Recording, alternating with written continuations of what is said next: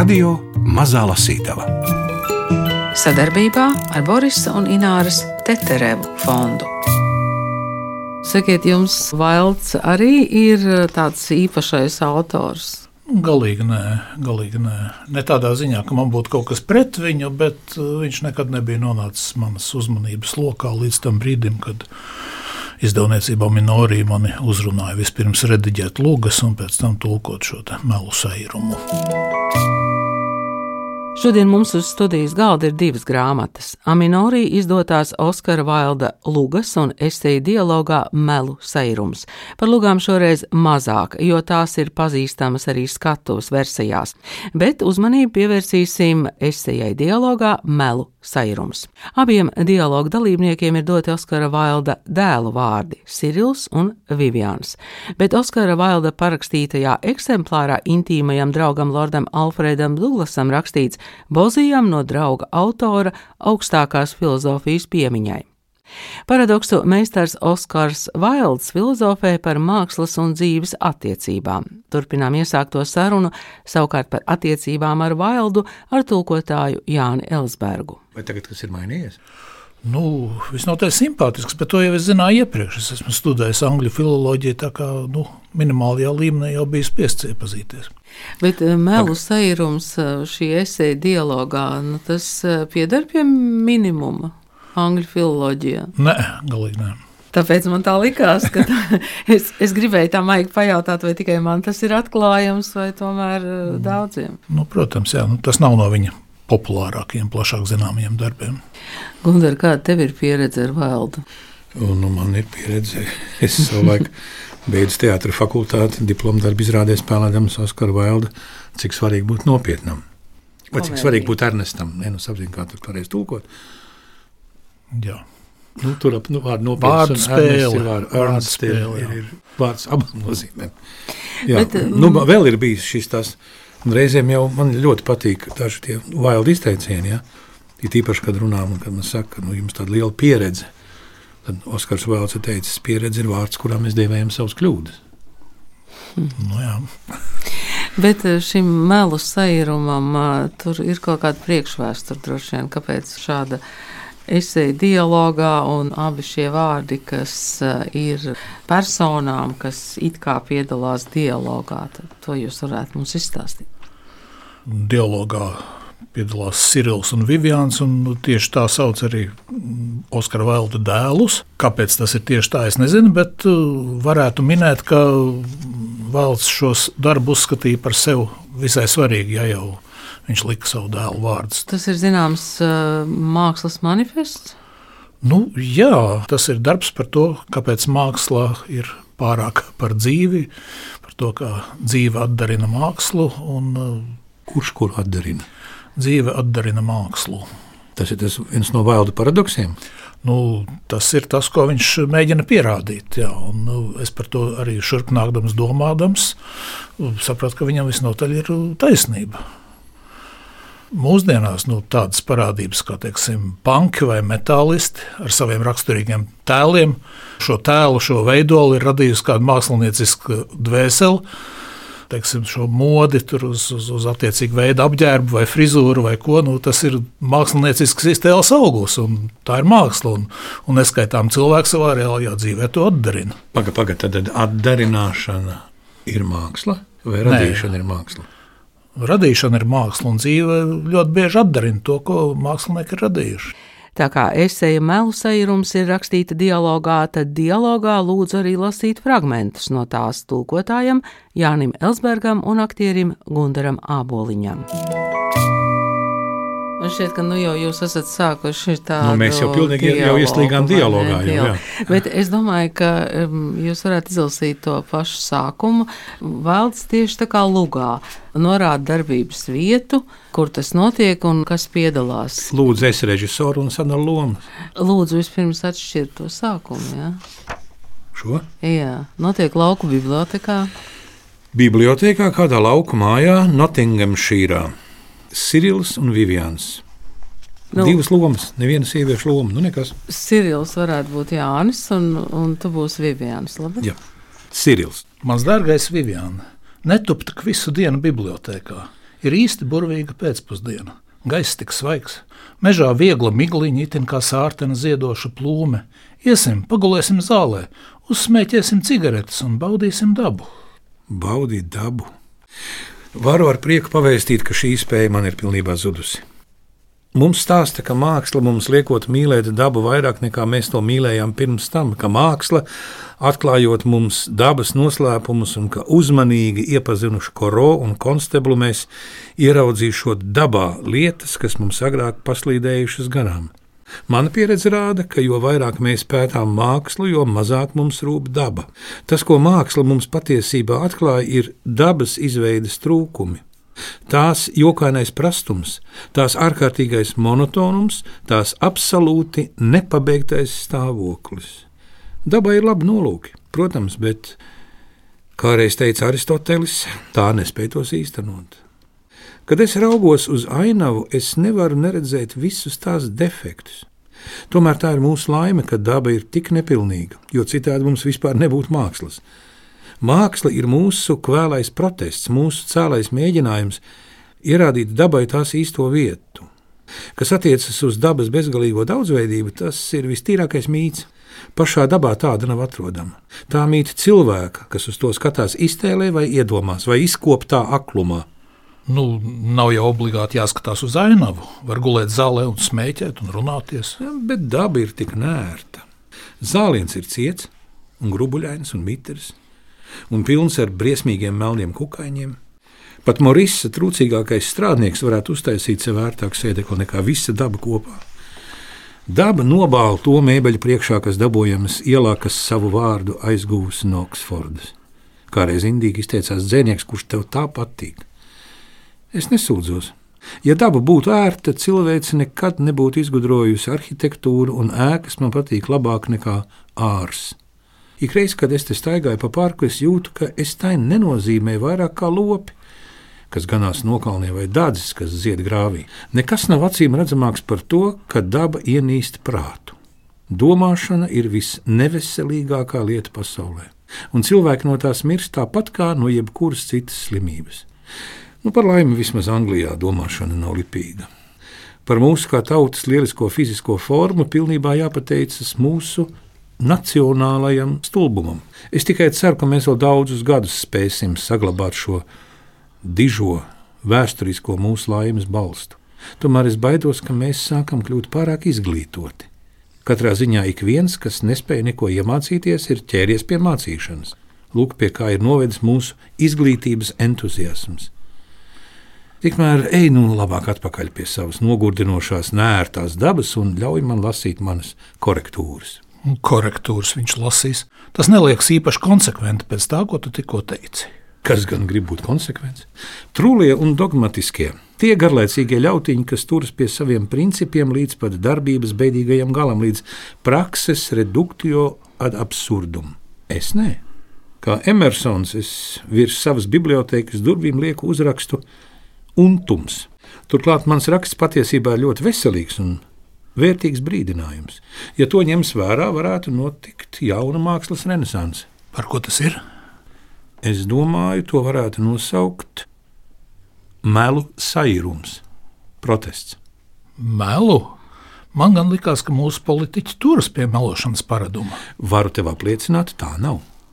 Viņi nekad nepaceļas virs sagrozīšanas līmeņa, un fakti nolaižas līdz pierādījumu, diskusiju, strīdu līmenim. Cik ļoti tas atšķiras no īsta meļa kvēles ar viņa atklātajiem, bezbailīgajiem paziņojumiem, viņa varano atbildību, viņa veselīgo, dabisko nicinājumu pret jebkāda veida pierādījumiem. Galu galā, kas ir smalki meli? Vienkārši tādi, kas ir paši sev pierādījums. Ja cilvēkam pietiekamā mērā trūkst iztēles, lai izdomātu pierādījumus melu atbalstam, viņš tikpat labi var uzreiz runāt patiesību. Nē, politiķi nedarēs. Par advokātiem varbūt vēl varētu runāt. Sofistu apmetnis ir plecos visiem advokātiem. Viņu tēlotā kaisme un nereālā retorika ir burvīga. Viņi spēj sliktāku lietu attēlot kā labāku, it kā nu pat būtu mācījušies Leontīnas skolās, un viņi ir pazīstami ar to, kā viņi no negribīgiem zvērinātajiem izcīna saviem klientiem triumfējošs, sataisnojošs spriedums, pat tad, kad šie klienti, kā bieži gadās, bija skaidri un nepārprotami nevainīgi. Taču viņus iegrožo prozaiskais, un viņi nekaunas apelēt pie precedenta. Par spīti viņu pūlēm patiesība nāks klajā. Pat avīzes ir deģenerējušās. Uz tām tagad var pilnībā paļauties. Tas jūtams lapojot avīžu slēdzis, vienmēr sadursies ar nelasāmo. Baidos, ka nav daudz sakāma par labu juristiem un žurnālistiem. Turklāt tas, uz ko es aicinu, ir melošana mākslā. Vai man nolasīt tev, ko esmu uzrakstījis? Tas tev varētu nākt par labu. Protams, ja tu iedos man cigareti. Nu, pateicos. Starp citu, kuram žurnālam tu to esi iecerējis? Retrospektīvajam atskatam. Man liekas, es tev teicu, ka izredzētie to ir atdzīvinājuši. Ko tu domā ar izredzētajiem? Ai, gurdos hedonistus, protams. Tas ir klubs, kuram es piederu. Satiekoties mums, pieņemts valkāt vītušu rozi pogu caurumā, un mums ir tāds kā domīcija kults. Baidos, ka tu neatbilst kritērijiem. Tev pārāk patīk vienkāršas baudas. Hmm, es pieņemu, ka mani vajadzētu izbalsot eh, enerģijas pārmēru dēļ. Droši vien. Turklāt tu esi mazliet par vecu. Mēs nepieņemam nevienu, kas ir parastajā vecumā. Es varu iztēloties, ka jūs visi cits citu krietni garlaikojat. Ļoti labi. Man, man patīk klausīties, kā jūs lasāt. Um, tur ir uh, tās eh, dekadentiskās idejas valdam. Nu, tas tāds dīvains vārds. Nu, viņš par dekadenci dēvē visu to realismu, kas tolaik valdīja literatūrā. Tas tāds vērtējošs apzīmējums. À, viņš dēvē par dekadenci. Jā. Jā, jā. Viņam principā nepatīk tas viss, kas notiek angļu literatūrā tajā laikā. Nu, jā, jā, tieši tā. Es te varu citēt, es atzīmēju teiksim, par Džordžu Meriditu, kas arī ir latviešu tulkots. Ak, Meredīts, kas gan spēja viņu definēt, viņa stils ir hauss, kur izgaismo zibens zipšņi. Kā rakstnieks viņš ir apgūlis visu, izņemot valodu. Kā romānists viņš spēja visu, tikai ne izstāstīt stāstu. Kā mākslinieks viņš ir viss, tikai ne daļrunīgs. Bez šādām pērlēm tur ir nu, pilns. Tādā koncentrācijā, principā. Nu, jā, jā, jā. Nē, es tev nolasīšu, ko es saku par šo tēmu. Šis posms gan rakstā ir vēlāk, bet tikpat labi var nolasīt to tagad, 19. lapā. Populārs mūsdienu sauklis ir atgriezīsimies pie dzīves un dabas. Tās mums radīs mākslu no jauna, un augaļām raidīs sarkanas asinis pa tās vēnām, tā darīs mākslas gaitu vieglu un tās roku stipru. Taču, diemžēl, mēs maldāmies savos piemīlīgajos un labi gribētajos pūliņos. Daba vienmēr atpaliek no laikmeta, un kas attiecas uz dzīvi, tā ir šķīdinātājs, kas izšķīdina mākslu, ienaidnieks, kas izposta tās mājvietu. Un ko tu gribi teikt, sacīdams, ka daba vienmēr atpaliek no laikmeta? Nu, jā, varbūt tas ir diezgan mīklaini. Teikt, es gribu sekojošo. Ja pieņemam, ka daba nozīmē vienkāršus dabiskus instinktus iepratī apzinātai kultūrai, šādā iespējā radīts darbs vienmēr ir novecojis, izgājis no modes, nu, atpalicis. Viens dabas skāriens visus sarado, bet divi dabas pieskārieni iznīcinās jebkuru mākslas darbu.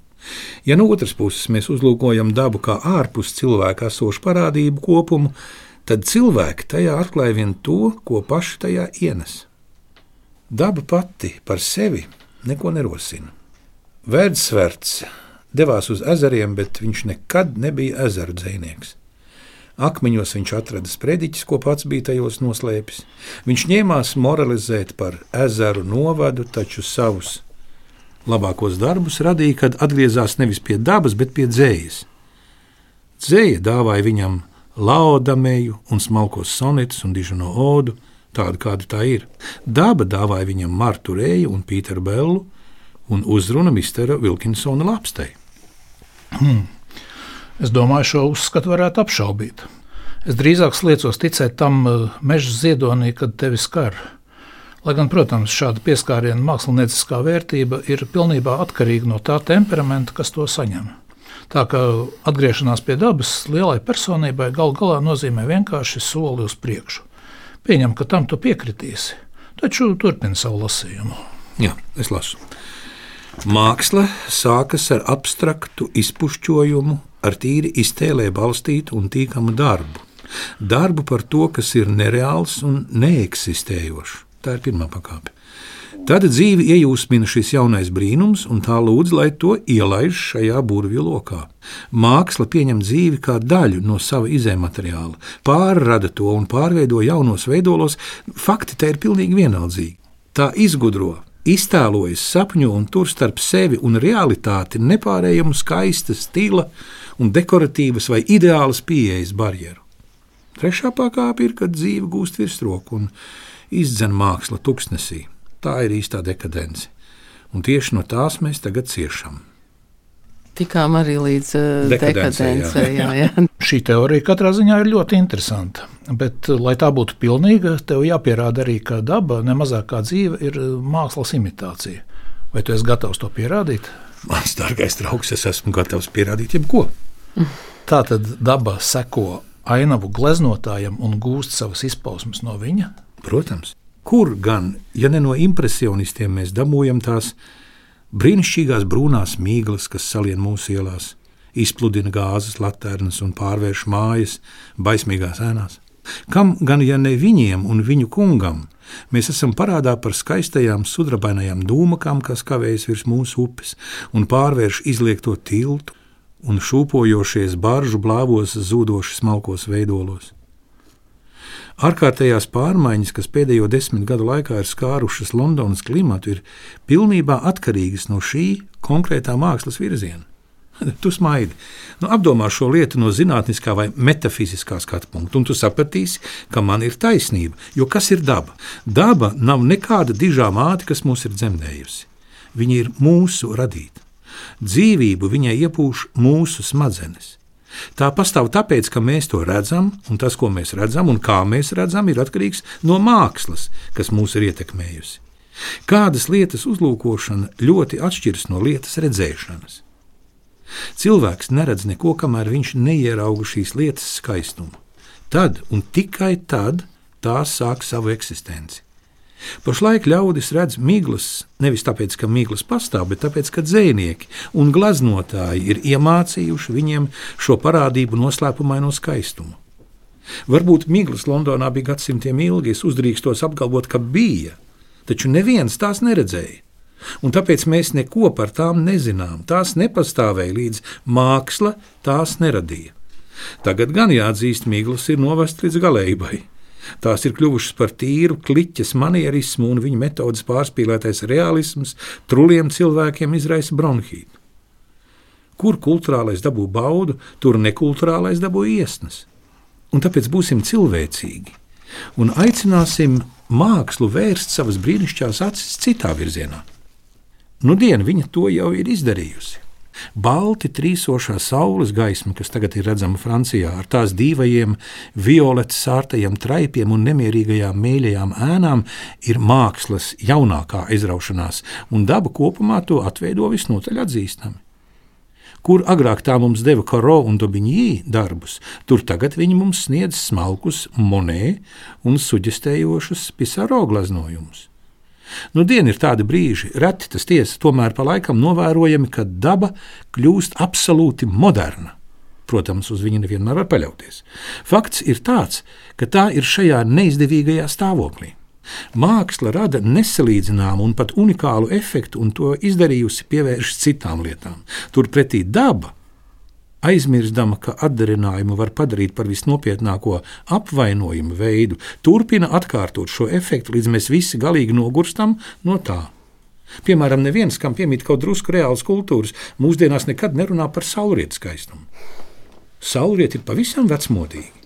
Tie pieder laikam, kad jaunākais modes kliedziens mākslā bija Turners. Saulrietu apbrīnošana skaidri norāda uz temperamenta provinciālismu. No otras puses, tie turpinās. Vakar vakarā misis Arendela uzstāja, lai es nonāktu pie loga un paraugos satriecošajās debesīs, kā viņa tās nodēvēja. Man, protams, nācās paskatīties. Viņa ir viena no tām absurdi piemīlīgajām filistietēm, kam neko nevar atteikt. Un ko es ieraudzīju? Tas bija vienkārši ļoti otršķirīgs tērners. Drāmķīgā perioda tērners, kurā visas šīs mākslinieku lielākās kļūmes ir pārspīlētas un pārāk uzsvērtas. Protams, es esmu visnotaļ gatavs atzīt, ka dzīve ļoti bieži pieļauj to pašu kļūdu. Tā ražo savus viltotos renē un savus pakaļdarinātos votrēnus, tāpat kā tos mums dod daba. Vienu dienu aptuvenu kuipu, otru dienu vēl vairāk apšaubāmo Ruso. Tomēr daba kaitina vairāk, kad tā rīkojas šādā veidā. Es gribētu, lai Lamanšs, it īpaši pie Heistingsas, tik ļoti bieži neizskatītos pēc Henrija Mūra gleznas, pelēka pērļainas ar dzeltenām gaismām, bet tomēr ir. Ja māksla būtu daudzveidīgāka, tad daba bez šaubām arī būs daudzveidīgāka. To, ka tā imitē mākslu, manuprāt, tagad nenoliedz pat tās vislielākais ienaidnieks. Tas ir vienīgais, kas notur viņu saskarē ar civilizētu cilvēku. Nu, vai tevi apmierina, kā es pierādīju savu teoriju? Mani neapmierina, kā tu to pierādīji. Nu, tā kā atkal, ne, atkal nesanāca. nu jā, tagad es uz mūžu zināšu, ka Vailda dēls saucas Sirils un uh, Vivians. Bet uh, interesanti, ko Vailds teiktu par. Uh, Nevis vinils un sirjāns. Jā, ko Vailds teiktu mūsdienās par mākslu? Nu, te jums jāpaicina kāds garu izsaucējs. Nē, nu mēs jau varam mēģināt fantazēt, vai, vai viņš spētu mm. vispār izsekot, kas kur notiek. Nē, nē, es mākslā vairāk esmu tas trulais realists savā daļradē, tā ka man grūti būtu iejusties viņu kā tulkotājs, tas tāpat kā aktieris, protams, esmu piesiejies jebkādā lomā, bet uzņemties runāt Vailda vārdā. Nē, nē, nē. Jā, nu, ja būtu pietiekami talantīgs autors vai autori, varētu šo vēlda dialogu vienkārši turpināt. Bet Nīlan, tajā laikā arī Denīdi Droti, viņi tie traktāti vairāk arī ir dialogu forma. Vispār dialogu forma tā ir diezgan sena forma, kā risināt jautājumus. Nevis vienkārši stāstīt vienu viedokli, bet caur dialogu. Nu jā, nu tas jau no Platona nāk. Mm -hmm. Jo Digitro arī mēs te lasījām paradoksus par aktieri, vai ne? Tur arī bija, un arī starp citu par melošanu. Bet šī gadījumā vai jūs varētu paskaidrot to nosaukumu melu sairums? Viņš runā lielākoties par 19. gadsimta prózu, gan angļu, gan franču realistisko prózu un, un pamato ar bagātīgiem piemēriem, kas viņam šajā prozā, realistiskajā prozā liekas nepilnīgs. Un, un viņš runā par to, ka, ka rakstniekiem un māksliniekiem ir pārāk maz iztēles, un viņi pārāk uh, cenšas uh, turēt, tu, turēties pie realitātes, nu, ka viņi strādā vairāk kā žurnālisti, vai ka viņi cenšas dzīvi nevis radīt, bet rādīt.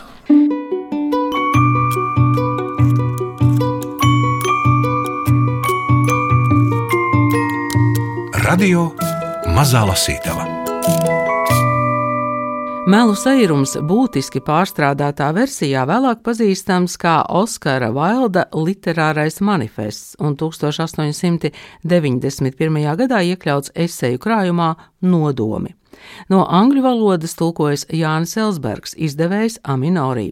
Lasīja Gundars Āboliņš un Jānis Elsbergs, piedalījās Agita Bērziņa, Noramīts Papa un Ingvilda Strautmane.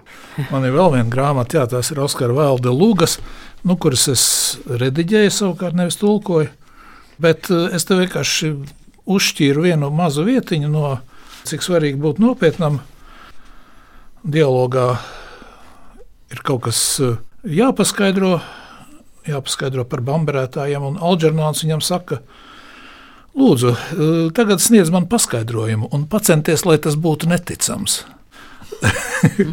nu, šī lūga ir sarakstīta vairākus gadus pēc melu sēruma, bet, nu, acīm redzot, tās iztēles un īstenības attiecības nu, vēldam ir bijusi ļoti svarīga tēma ilgu gadu garumā. Varētu jaunajiem aktieriem dot uh, melu sairumu, un pēc tam, ka vairs svarīgi būt nopietnam, piemēram. Jā.